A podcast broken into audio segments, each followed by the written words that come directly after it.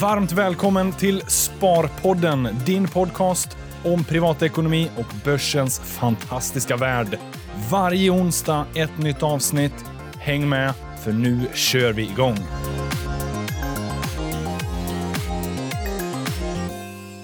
Hjärtligt välkomna! Sparpodden, avsnitt 262 med mig Alexander Gustafsson och... Med Jocke Bornholm.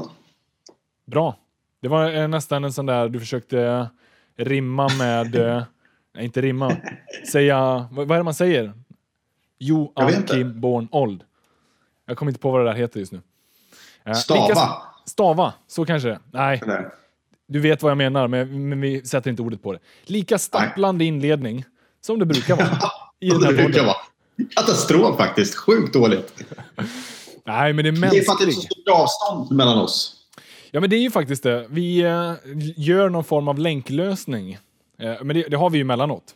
Uh, Det hänt förut. geografiskt är avståndet stort, men eh, Yes. Jag sitter hemma i Flaxenvik idag eh, och blickar ut över en eh, grå eh, himmel. Eh, faktiskt. vad säger det dig om börsens humör? Kan du dra några kopplingar? Kan du hitta några paralleller? Nej, absolut inga som helst faktiskt. Eh, då hade det varit betydligt mer stormigt kanske om, om det skulle vara en väderparallell. Men du är ingen sån som letar börstecken bland stjärnorna? Och liksom spår börsutvecklingen med tidvattnet? Eh, nej. Nej. Bra. Bra. Det var en sanity check. Nej, Har det du, alltså, har du något sånt? Nej. Nej, det är, det är ju kort och gott för alla er lyssnare. Det är ju liksom, det är ju bara käbbel. Det, det funkar ju inte. Eh, så det är väl bra att påminna sig. Ja. Eh, Funkar var- för en del. Exakt. Ah, men gör det det? Nej, det gör det inte.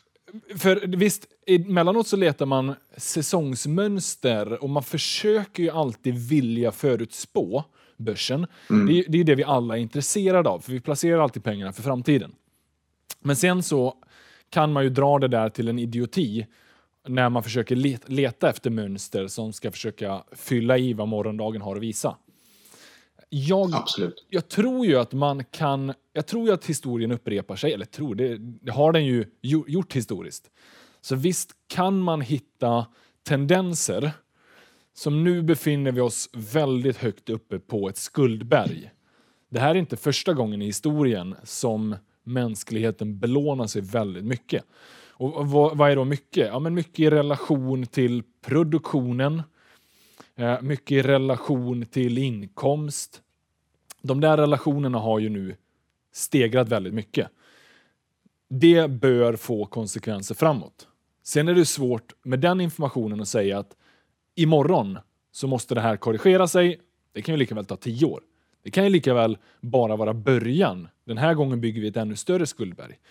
Men väldigt ofta så har... Eh, Men äh, ja, men skuldberget skuld- ska. Skulden ska växa därför att vi har mer tillgångar. Allt fler sparar. Allt fler jobbar, får pengar över och sparar till sin pension i världen. Vilket gör att de pengarna ska ju ut igen. Folk kan inte sitta med dem i madrassen. Därför skapas det skuld. Det är ett sätt att skapa skuld. Och det köper jag. Eh, ekonomin växer. Vi har ju en större total mängd i ekonomin än vad vi hade för hundra år sedan. Men, men jag pratar om relationerna. Skulden i förhållande till produktion eller inkomst. Eh, och det är väl där jag i alla fall ser då att nu befinner vi oss i en högre nivå än vad vi gjorde för 50 år sedan. Då kan ju det få konsekvenser. Jag pratar ju om så här, eh, kreditcykler. Det är väl det jag egentligen försöker sätta fingret på. jag förstår. Men vill du avfärda det helt? Kan, kan man inte nej, säga någonting? Nej, absolut inte. Nej. Nej, det, det, det gör jag inte.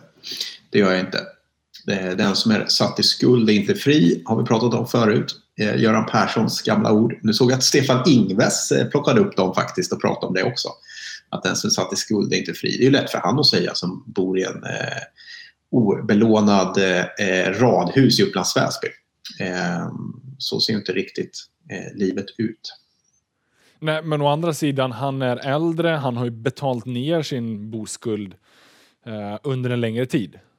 Eller har han någonsin haft någon? Ja, det, det vet jag ju inte, men jag skulle väl säkert... Bjuda in honom. Det hade varit jätteintressant att få... Han kanske har tagit för lite... Jag, jag tror att Stefan Ingves har tagit alldeles för lite risk i sitt liv eh, genom åren.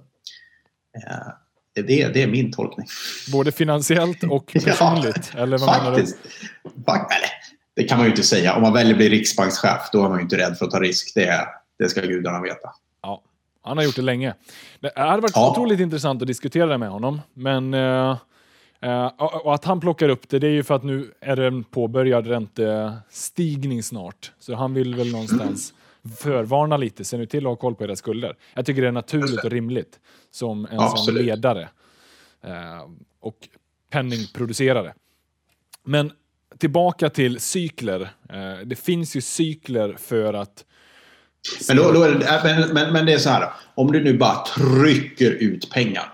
Om Riksbanken bara trycker ut pengar. Det är inte det att räntan är noll. Den är minus. Och så säger man ja, men den som är satt i skuld, han är inte fri. Så har man, ju- man kan liksom inte bara...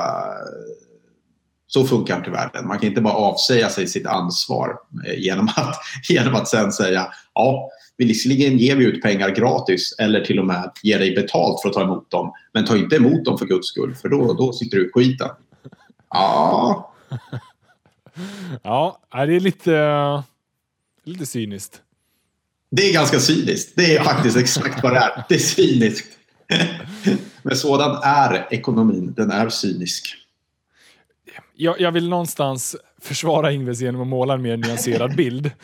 Ja. Eh, det är inte bara det är inte så enkelt. Han, han har ju behövt trycka pengar. Det går ju inte, går inte igång någon inflation.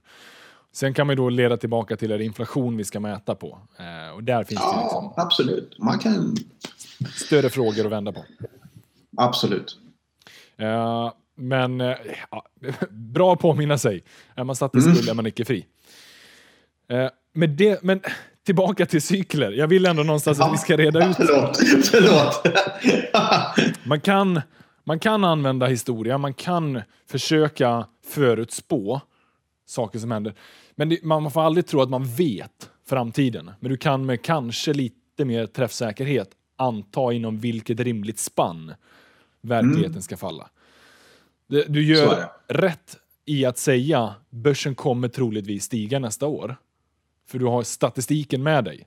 Men du vet Mm. ju inte om den stiger nästa år eller faller. Nej. Sen kan man Det är också väl det som är... Det är det, som är det svåra. Exakt.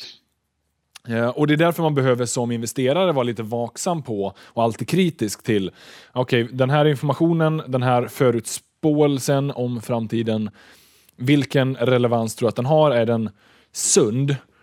Eller bygger den på att är det fullmåne så brukar börsen stiga mm. och är det inte det så brukar den inte stiga.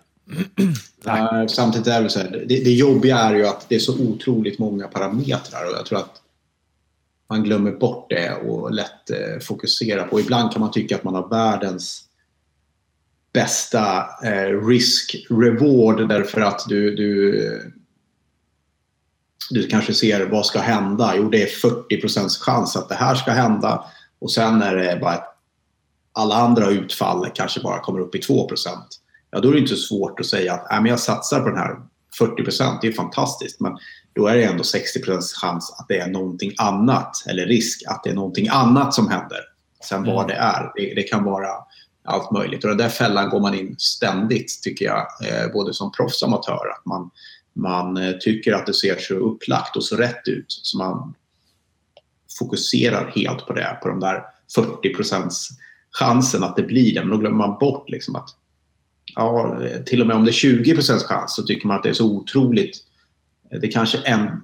Det är så här, om det är, om det är en, en möjlighet, en chans på 20 procent, att någonting ska inträffa eh, och så kanske det finns en helt gäng andra utfall som bara når upp till två. Ja, då blir den där som är tio gånger större så otroligt starkt lysande att man lockas av den och inser och glömmer bort att likväl, det är ändå bara en av fem det här kommer hända. Eh, även om det är det mest sannolikt att, att av alla saker att det ska hända. Så att, tänk mycket på sannolikhet och, och utfall. Eh, och ha med dig det där. Att ibland blir man så förblindad av att det är en sak som lyser så starkt. Men, Men likväl kan det vara en liten grej. Och oftast är det så. Det är en liten grej av någonting helt annat slag som, som eh, gör att caset faller. Ja. Svarta svanar och så vidare. Vad, vad ska Ja. man, vad ska Oftast man göra? kallar man dem kanske svarta fana, eh, svanar, men det, det kanske det inte är. Men det är oftast därför de blir så... Eh, det, det, det, det, bara det uttrycket i sig eh, eh, visar väl att det ofta är så. Alla- Och tror jag det kan vara i världsekonomin, men så kan det likväl vara i enskilda bolag man investerar i. Att det är, eh, det är så små grejer som blir stora eh, därför att man liksom inte fått upp dem på radarn lite och sådär. Men, men sådana grejer finns det ju så många av eh, om man driver ett bolag eller om man pratar världsekonomin. Eller, det, det finns så otroligt många parametrar som kan ploppa upp där. Det är det som gör det svårt. Men det gäller då helt enkelt att inte bli förblindad av den där stora möjligheten som, som har bra möjligheter och förutsättningar men som när man tänker efter kanske sannolikt inte kommer hända ändå. Ja. Det här för stökigt, jag vet inte. Nej, det blev det, men, men så Ja. är, det är Sparpodden. Ja, För mig på. kokade ner i... Okej, det finns mycket brus och det finns många som man vill liksom förutspå framtid och så vidare. Eh, som enkel privatinvesterare, jag behöver inte fokusera på det där. Jag behöver inte så länge jag vet att ja, men långsiktighet, det funkar ju. Jag, jag ska bara månadsspara. Ja, men då är det all fine. Det finns pengar att tjäna i att försöka förstå utfall och ekonomiska trender. Eh, men var beredd på att det finns ett pris att betala också i form av tid, uppmärksamhet och energi. Är du villig att lägga den investeringen? Vill, är du villig att lägga den tiden på att försöka investera efter trender och, och cykler? Eh, ja, men all fine, följ det. Det kan vara väldigt lönsamt, men du måste inte. Det, det funkar också att vara mer passiv inför det. Så om, om man nu bara liksom är långsiktig i sitt sparande. Ja. Det, var min, det är min tolkning av det hela. Mm. Eh, och, och det är väl det, som är bra i sådana här tider då, att påminna sig om långsiktighet faktiskt funkar. Alltså att investera på börsen även över en längre tidshorisont, det vet vi alla. Det har vi hört så många gånger. Det. men det är viktigt i de här tiderna när det svänger lite mer att påminna sig om det. Jag gjorde själv en liten undersökning här under eh, i helgen hur börsen har gått. Nu tog jag sen krigstiden, jag gjorde faktiskt tillbaka, jag hittade lite data från Riksbanken, kollade tillbaka till 1902 och sen egentligen hypotetiskt då, börjar du investera varje månad och sen håller du över x perioder. Och då kollade jag en månad, sex månader, ett år och så vidare. Oavsett när under historiens gång, vilket månadsskifte du än börjar, vad har varit utfallet efter x perioder? Och Är det kolla- här inklusive utdelning också eller är det ex-utdelning? det är inklusive utdelning, Mm. men det är inte inflationsjusterat. Nej. Och det egentligen spelar ju ganska stor roll, för inflationen har varit väldigt varierande över historien. Ja. Men mitt argument är att du hade ju varit lika eh, rik eller fattig, eller lika urholkad, hur du än hade placerat pengarna. Just det. Eh, för jag ville få ut grundförändringen i börsen. Och kollar man hela vägen tillbaka till 1902 så har under alla 30-årsperioder varit ett positivt resultat. Så om man hela vägen tillbaka till 1902, oavsett när du började, 30 år senare, har börsen varit positiv. Det är ganska lång tid. 30 år. Det är väldigt, väldigt lång tid. Men det har lite att göra med att eh, under början av 1900-talet, då var ju inte Sverige i, närheten av den ekonomi den är idag. Det, det var väl mer eller mindre ett u-land.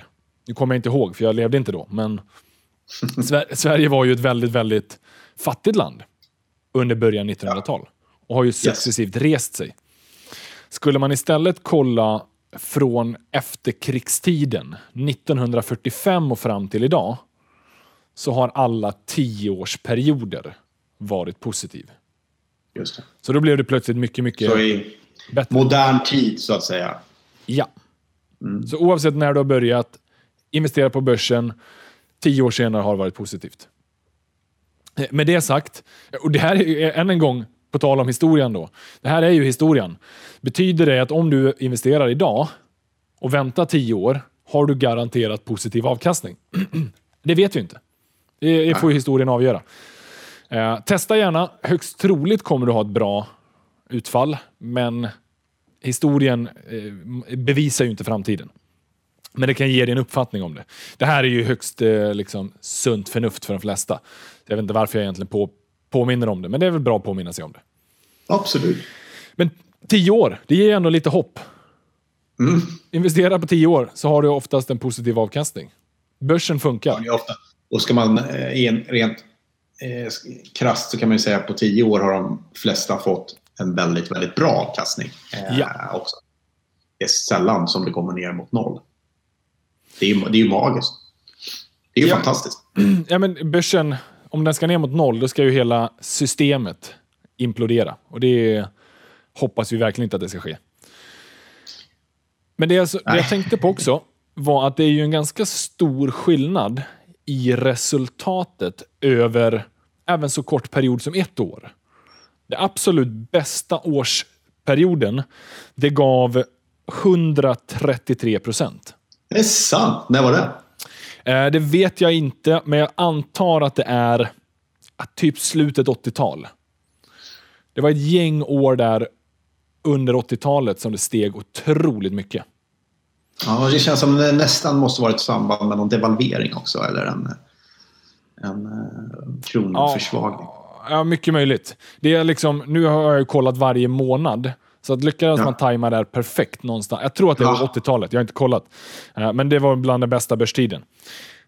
Den sämsta årsavkastningen har ju varit minus 45 procent. Mm. Så det är ju radikala skilj- skillnader. Ena investeraren kan mer än dubblerat sina pengar medan den andra har nästan halverat dem. Det är bra att ha med sig i barnsparandet. Om du nu har flera barn, de, de föds ju vid olika tidpunkter, då kommer de att få olika startpunkter om du nu startar ett sparande för varje barn. Bättre att köra ihop i en enda portfölj för då har du ju en gemensam avkastning och sen så kan man ju dela upp då en tredjedel eller vad man nu har. Hur många barn? Har du gjort så? Eller hur, hur gör du med barnsparandet? Eh, nej, det har jag inte gjort. Har du ett barnsparande? Eh, ja, ja, jo det har jag faktiskt. Men... Eh, Tvek, tvekan? tank, ja, tvekan. Ja, min tanke är... Jag sparar ju i... Jag och min fru, vi, vi sparar ju i, liksom, tillsammans. Det är inte uppdelat. Sen har barnen ändå ett barnsparande, ja. Men den stora tanken är att, att, att eh, jobba ihop eh, kapital tillsammans som vi ska använda till någonting bra när de liksom blir äldre. Så det, det är... Det är, eh, eh, det är planen. Så, så inte så här att eh, vi sparar pengar eh, så det är jättemycket. Även om vi gör det också så sparar vi inte jättemycket i barnen individuellt. Det gör vi faktiskt inte. Men, men det är väl bra, för vad är ambitionen då? Ni, ni eh, vill inte ge en klumpsumma pengar till dem, utan snarare ge dem förutsättningar? Nej, vi får se. Eh, det är, man har ingen aning om vart de där eh, tjejerna vill ta vägen riktigt i livet. Eh, eh, så vi får se. Det, det är inte säkert att de behöver samma hjälp heller i form av monetära medel. Det vet man inte i, i förväg. Så därför så eh, lägger vi lite pengar på hög och kan eh, hjälpa till och, och, och satsa på det som behövs. Eh, för jag tror att behovet eh, kan vara högst individuellt. Det, det vet man ju inte i, jag ser ingen rättvisa, eh, men jag, är ganska eh, hård med mina barn på det sättet att livet inte är rättvist. Men samtidigt handlar inte rättvisa om monetära medel heller. Jag är ganska noga med det. Det är väl en högst relevant lärdom, för livet är ju inte rättvist. Så det är väl jättebra. Ja, så är det. Eh, så eh, jag vill nog, eh, eller där är vi överens, att, försöka hålla, få ihop lite kapital och eh, förhoppningsvis kunna hjälpa dem där de behöver. Men det, den bästa gåva jag kan ge dem är ju att de är, eller som vi kan ge dem som förälder, det är ju inte en en miljon kronor när de fyller 18. Det är en förmåga att tjäna en miljon per år som vuxna. Ja. Jag håller med helt och hållet. Det är liksom vårt fokus. Det är att se till att de kan ta hand om sig själva. Ja. Och, och, och ha en kontroll på sin ekonomi och göra vettiga beslut snarare än att få en klumpsumma. Men förhoppningsvis finns det väl någon slant också att kunna hjälpa till med. Det är det här med boende och allt det här som man funderar på. Eh, man kan hjälpa till med. Ja. Eh, förstås. Är det någon som har hintat om att de vill bli aktiemäklaren? Nej, eh, men vi pratar förstås ganska mycket aktier här på eller mest bolag. Det är inte så att vi pratar P tal med Greta och Signe sådär. Det gör jag. Varför men, inte? Eh, men eh, de är inte så intresserade av det. Men däremot eh, Greta som är den äldsta då, hon är nio. Vi pratar mycket bolag. Eh, hon tycker det är kul. Mm. Hon kommer med egna affärsidéer som hon vill prova. Och just nu har jag en massa grejer på bordet där nere eh, från eh, något som heter Pandaförsäljningen som hon har hållit på med. Som har gått runt och sålt grejer till grannarna här som ska dela ut nu. Och, eh, lär sig om det och pricka av leveransen och ta in pengar och betala det. Och liksom, Ah. sånt, sånt pysslar vi med. Eh, men det får hon sköta själv. Jag har faktiskt Ja, men det där är väl jättebra. Hjälpt henne väldigt lite. Jag gillar sånt. Jag sålde själv liksom, så här, jultidningar och sånt där. Ja, det, det är bra. Det gillar jag. Tycker det är Samma skola. här. Liksom. Samma Mm. här. Och jag, jag kommer ihåg det nu när du säger det. Jag blev ju påmind av det. Eh, otroligt bra för att få lära sig hur, ja, men hur ekonomin fungerar och försäljning framför allt. För det var ju det det handlade om. Just det. Eh, och och vad jobbigt det är. Det är tufft. Det är inte så Ja. lätt. Liksom. Eh, och det är väl också en bra lärdom. Eh, men eh, jag tycker hon har gjort det bra. Ja. men coolt. Eh. Men vi får se om hon blir aktiemäklare. Ja, jag tror inte det yrket är väl borta. Så att det, det är Du tror att- som jobbar med det. men, eh, men vi får se. Ehm, Jag har inga, inga, har inga åsikter om vad mina barn ska bli faktiskt. De, jag hoppas de ska bli något de verkligen vill bli. Inte på grund av att deras föräldrar vill det eller att staten vill det eller att skolan tycker det. Eller, eh, Nej. det är det grimmaste om man kan få jobba med något som du och jag. Att man får jobba med det man gillar och tycker om. Det, det vore väl härligt om man kunde komma dit. Det, det får väl vara ett mål. Sen vad det är för någonting eller vad det blir, ah, ingen aning. Ingen aning. Du, eh, jag tycker ändå du ska prata lite P-tal. Du får göra en sån där klassisk eh, literpriset på mjölk. Men då är det ju lätt att förstå det. Det är lite typ Mm. samma. Sen Mm. får du se till att de börjar lyssna på Sparpodden. Då får de ju lite ja. uppmuntrande ord från pappa. Faktiskt. Absolut. Eh. Det är ju inte så att de eh, får nog av att lyssna på sin far. De vill säkert, lys- de vill säkert lyssna på en podd också. Just det, just det. Ja, bra självinsikt från dig. Eh, Ja. Men du, jag tänkte också vi skulle snacka lite om eh, fondförvaltare. Och ha koll på förvaltare. För Mm. Ja. många, vi, vi har ju fonder allihopa eh, på ett eller annat sätt. Eh, antingen via pensionen och sen många som även har det i sitt privata sparande. Men det blir ju ofta så att man kollar fonder historiskt och vill hitta de som varit duktiga och sen hoppas på att de är duktiga framöver. Eh, och då är det ju ett bra tips, vi, vi kan ha nämnt det någon gång tidigare också, men det är bra att påminnas om det, att ha koll på vem det är som förvaltar fonden. För förvaltaren är ju den som har skapat framgången. Det är ju samma sak eh, när du förvaltar din aktieportfölj. Om du sen försvinner kommer det bli samma typ av portfölj? Nej, högst troligt inte, för det är du som förvaltar den. Så att Ja. ha, ha med sig, för det byter ju fondförvaltare, de säger också upp sig och byter emellanåt. Just det. Vi, hade, vi hade väl här i veckan, det var väl här i veckan nu, eh, en väldigt populär fond, Robur Ny Teknik, Ja. där förvaltarna, Mm. Sprinkorn och Armfelt, de, har de varit med i podden? Nej, kanske inte. De, Ja, men vi har inte vi har haft med dem- sammanhang. exakt, vi har haft med dem i video i, eh, Mm. på våran YouTube-kanal. Just en väldigt populär fond bland många svenska privatsparare.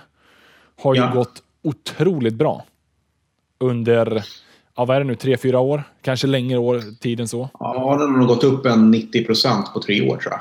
Ja. Eh, och det är ju bra med tanke på att Stockholmsbörsen i princip stått still på tre år. Ja, med utdelningar kanske gett lite mer. Men eh, säg 10-12 procent. Jag vet inte riktigt. Men Ja. något sånt. Så äh, det är väl superbra. De har ju varit en, två superstjärnor liksom, som har byggt upp den här fonden och eh, gjort den superpopulär. Och det är klart att när de hoppar av eh, så bör man ju fundera, eh, vill jag vara kvar nu då? För nu vet man ju inte vem som tar över. Eh, och när det är en fond som två personer har satt eh, sin prägel på, då, då ska man nog fundera på om man ska vara kvar i den. Eller kanske flytta med eh, vart de nu hamnar om de ska göra någonting annat. Ja, men de här två är ju aktiva förvaltare, så då blir det ju än mer tydligt. De har ju byggt den här framgången med hjälp av sin förmåga att hitta just bra teknikaktier. Uh, och Det är det som är hela ut, utfallet i mångt och mycket. Och om då båda förvaltarna försvinner, ja, då beror det på vem är det som tar över och vilken förmåga har den att hitta nya bra teknikaktier. Det är det fondens inriktning är. Absolut, visst är det så. Uh, så, och Det här är ju bra då att ha med sig om man nu är ägare eller hade planerat att investera. Att ha det i ja, åtanke. Uh, nu vet vi inte, antar jag, vad de ska syssla med framöver. Men om man gillar deras resultat, ja, då kan det ju vara intressant att ja, följa dem. Verkar som de ska starta en eget. Uh, vi får se. Det lär väl... det här är tisdagen vi spelar in det här, så det lär väl dyka upp någonting om om vad de ska pyssla med. Men kanske att de startar en egen fond om man har möjlighet att, att följa med på den. Jag vet inte. Ja, ja men det är kul för dem. Det är, ja. Jag säger gratulerar och lycka till. Det är två knivskarpa herrar som har gjort uh, jättebra resultat. vi får väl ta och mm. följa mm. upp det framöver. Jajamän. Men det sker ju lite mellanåt att fondförvaltare också byter jobb och hoppar. Uh, och ha lite koll på det där bland dina fonder. Det är väl medskicket Absolut. till lyssnarna. Speciellt då, speciellt då den här typen av fonder verkligen. Där det är verkligen är eh, förvaltare, enskilda förvaltare som satt sin prägel på förvaltningen. I många eh, andra fonder som aktivt förvaltade så är det team och, och kanske framför allt tydligare eh, vilken typ av eh, eh, vilken typ av eh, förvaltningsmodell man har och det är någonting man följer, då kanske det inte är lika känsligt om de hoppar av. Men här till exempel är ett typiskt sånt case där man eh, tappar två förgrundsgestalter. Verkligen. Ja, och är det en passiv fond, ja då spelar det ju verkligen ingen roll. Då finns det ju inte ens Nej. en förvaltare som avgör någonting, utan är den passiv så följer den ju ett angivet placeringsurval. Uh, och det är väl lite det som kanske också är ett argument för passiva fonder, att du vet vad du får och du får det konstant. Men med Absolut. det sagt, det finns ju de aktiva som faktiskt slår börsen. Den här fonden är ju ett sådant exempel. Så att eh, som fondsparare gör man nog kanske rätt i att ha lite av båda. Både aktiva och passiva fonder. Eh, jag själv har så i alla fall i mitt pensionssparande. Mm. Jag har en form av grund, globalindex, men sen lite nischade aktiva. Eh, där jag tycker att det finns bra förvaltare. Men det är min syn på det. Sen, eh, det finns inget rätt eller fel. Men du Jocke, jag tänkte vi också skulle, vi har fått in fråga om eh, Kinnevik. Det är Oliver på Twitter. Eh, ett annat önskemål är om ni kan prata Stenbeck säljer av delar av innehav i Kinnevik för andra gången på ett halvår. Eh, mm. Kommer vi få se något eh, investmentbolag utan kött och blod? Skrämmande i så fall. Och Kinnevik är ju eh, ägt till stor del, kontrolleras till stor del av Stenbecks-familjen. Jag vet inte när det grundades. Det var väl... Eh, ja, det är ett gäng år sedan i alla fall. Men det är en av de större investmentbolagen. Har det varit lite försäljningar? 30-tal kanske. Jag tror grunden i Kinnevik eh, är väl egentligen Krygerkraschen, kan man väl säga. Eh, kommer inte riktigt ihåg hur det hela gick till. Men det är ju alltså Kristina Stenbecks farfar eh, som var med och byggde upp eh, Kinnevik och gick från att vara ett skogs, skogsbolag till eh, någonting helt annat. Vad man plockade in delar av konkursboet, tänker du, eller dödsboet? Mm. Mm. Ah. För Swedish Match ja. är ju förgrunden till Krygerbolaget också, men andra delar ja. av det där imperiet eh, nästan. Just det. Hugo Stenbeck hette väl eh, farfar. Han var, var faktiskt eh, konkurs... Eh, eh, den som skötte konkursen, han var advokat. Eh, så han hade hand om hela boet. Jag tror faktiskt han plockade åt sig några delar där. Eh, kommer inte riktigt ihåg storyn, det var länge sedan jag läste om den. Han var högst eh, involverad. Ehm, eh, tillsammans eh, med Kinnvik var ju tillsammans med en annan familj som nu har glömt bort namnet på Jag faktiskt. Jag skulle ha läst på lite innan här. Men familjen Stenbeck och en familj till som ägde det. Och de är fortfarande kvar. Så att, det, men, men, nu känns det i alla fall som familjen Stenbeck eh, drar sig undan allt mer. För det var ju någon maktstrid om det här på, är det 90-tal nu vi pratar om eller var det redan 80-tal? Eh. Ja, då pratar vi Jan Stenbeck. Eh, Exakt. Och då var det väl eh, egentligen kring arvet och vem som skulle ta över Kinnevik. Och det var Jan Stenbeck som manövrerade ut sina syskon. Eh, och eh, nu är det ju Kristina som har tagit vid. Och frågan är ju om det blir någon mer Stenbeck. Det känns inte så. Det känns inte som att det blir en generation till som operativt driver Kinnevik utan det känns som att sakta men säkert monterar ner sina, dels sitt ägarskap men också sitt engagemang då, eftersom han hoppat av, Kristin hoppat av som ordförande och så vidare. Mm. Har du någon känsla för varför man vill göra eller varför man vill sälja av det här? Ett anrikt familjeägt familjekontrollerat. Det har, har inte kommunicerats någonting. Jag har själv försökt leta lite efter det. Eh, men jag har inte mm. hittat så mycket anledningar till varför man har sålt av. Nej. To be fair, de kontrollerar ju fortfarande 18 procent eller mer av rösterna. Så de är fortfarande den största ägaren. Det ska man ju... Det tål att sägas i sammanhanget. Ja. Uh, men det är klart, man spekulerar ju i att varför det nedmonteras. Ja, det kanske blev så helt enkelt. Man, man kanske, Kristina inte eh, ser det som sin livsuppgift att, att jobba med det här fullt ut. De kanske har andra saker de vill göra. Jag vet inte. De var fyra syskon eh, och eh, den enda som skulle, eh, som sannolikt skulle varit med och driva Kinnevik, han, han gick ju bort. Jag tror han hade diabetes. Så att, eh, han hette väl Max, tror jag, eh, som var lillebror till Kristina. Men han gick oturligt bort, eh, sorgsamt. Eh, och de övriga två syskonen har inte varit intresserade av och varit engagerade i Kinnevik. Så det blev liksom Kristina kvar bara. Och, eh, ja, det behöver ju inte vara så bara för att man ärver en stor uppgift att man vill ta sig an den. Hon har gjort det fantastiskt bra. Och hon har också styrt om Kinnevik ju, eh, på ett fantastiskt sätt. Precis som sin pappa och sin farfar eh, så har de verkligen förnyat Kinnevik. Eh, men hon kanske vill göra någonting annat också. Vad vet jag. Är det inte helt enkelt att förstå? Det där med kött och blod. Ja, men det största har vi ju, det är ju industrivärlden. Det har ju under en lång, lång period inte bestått av kött och blod på något sätt och vis. Eh, nu har det blivit så med familjen Lundberg som har kommit in, men innan dess så, så var det faktiskt inte det. Så det, det, det går nog att klara sig alldeles utmärkt utan det. Exakt, och industrivärlden är ju vad man kallar för ett tjänstemannastyrt. En avknoppning mm. från Handelsbanken eller ja, det finns kopplingar däremellan. Från krigstiden var det väl också? Eller Krügerkraschen? Allt, allt här är från Krügerkraschen. Ja. Ha det som utgångspunkt. Det, det är en bra livsfilosofi. Ja. Uh, men uh, ja, så att summering, Kinnevik, det är ju ett, var, varför det blir mycket frågor är för att det är ett så stort investmentbolag och många som äger i det. Uh, ja. Nu är det en ägare som säljer av, men det är fortfarande den största ägaren. Så jag tror att det är ännu inte helt klart vad som kommer att ske. Men det är inte kört om det blir ett tjänstemannastyrt. Det, det är ju industrivärlden om något ett exempel på. Och det är många andra ja. bolag som inte är familjeägda. Det är ju inte bara i, när det kommer till investmentbolag som man behöver fundera på om det är familjeägda, utan det finns ju många andra mm. också.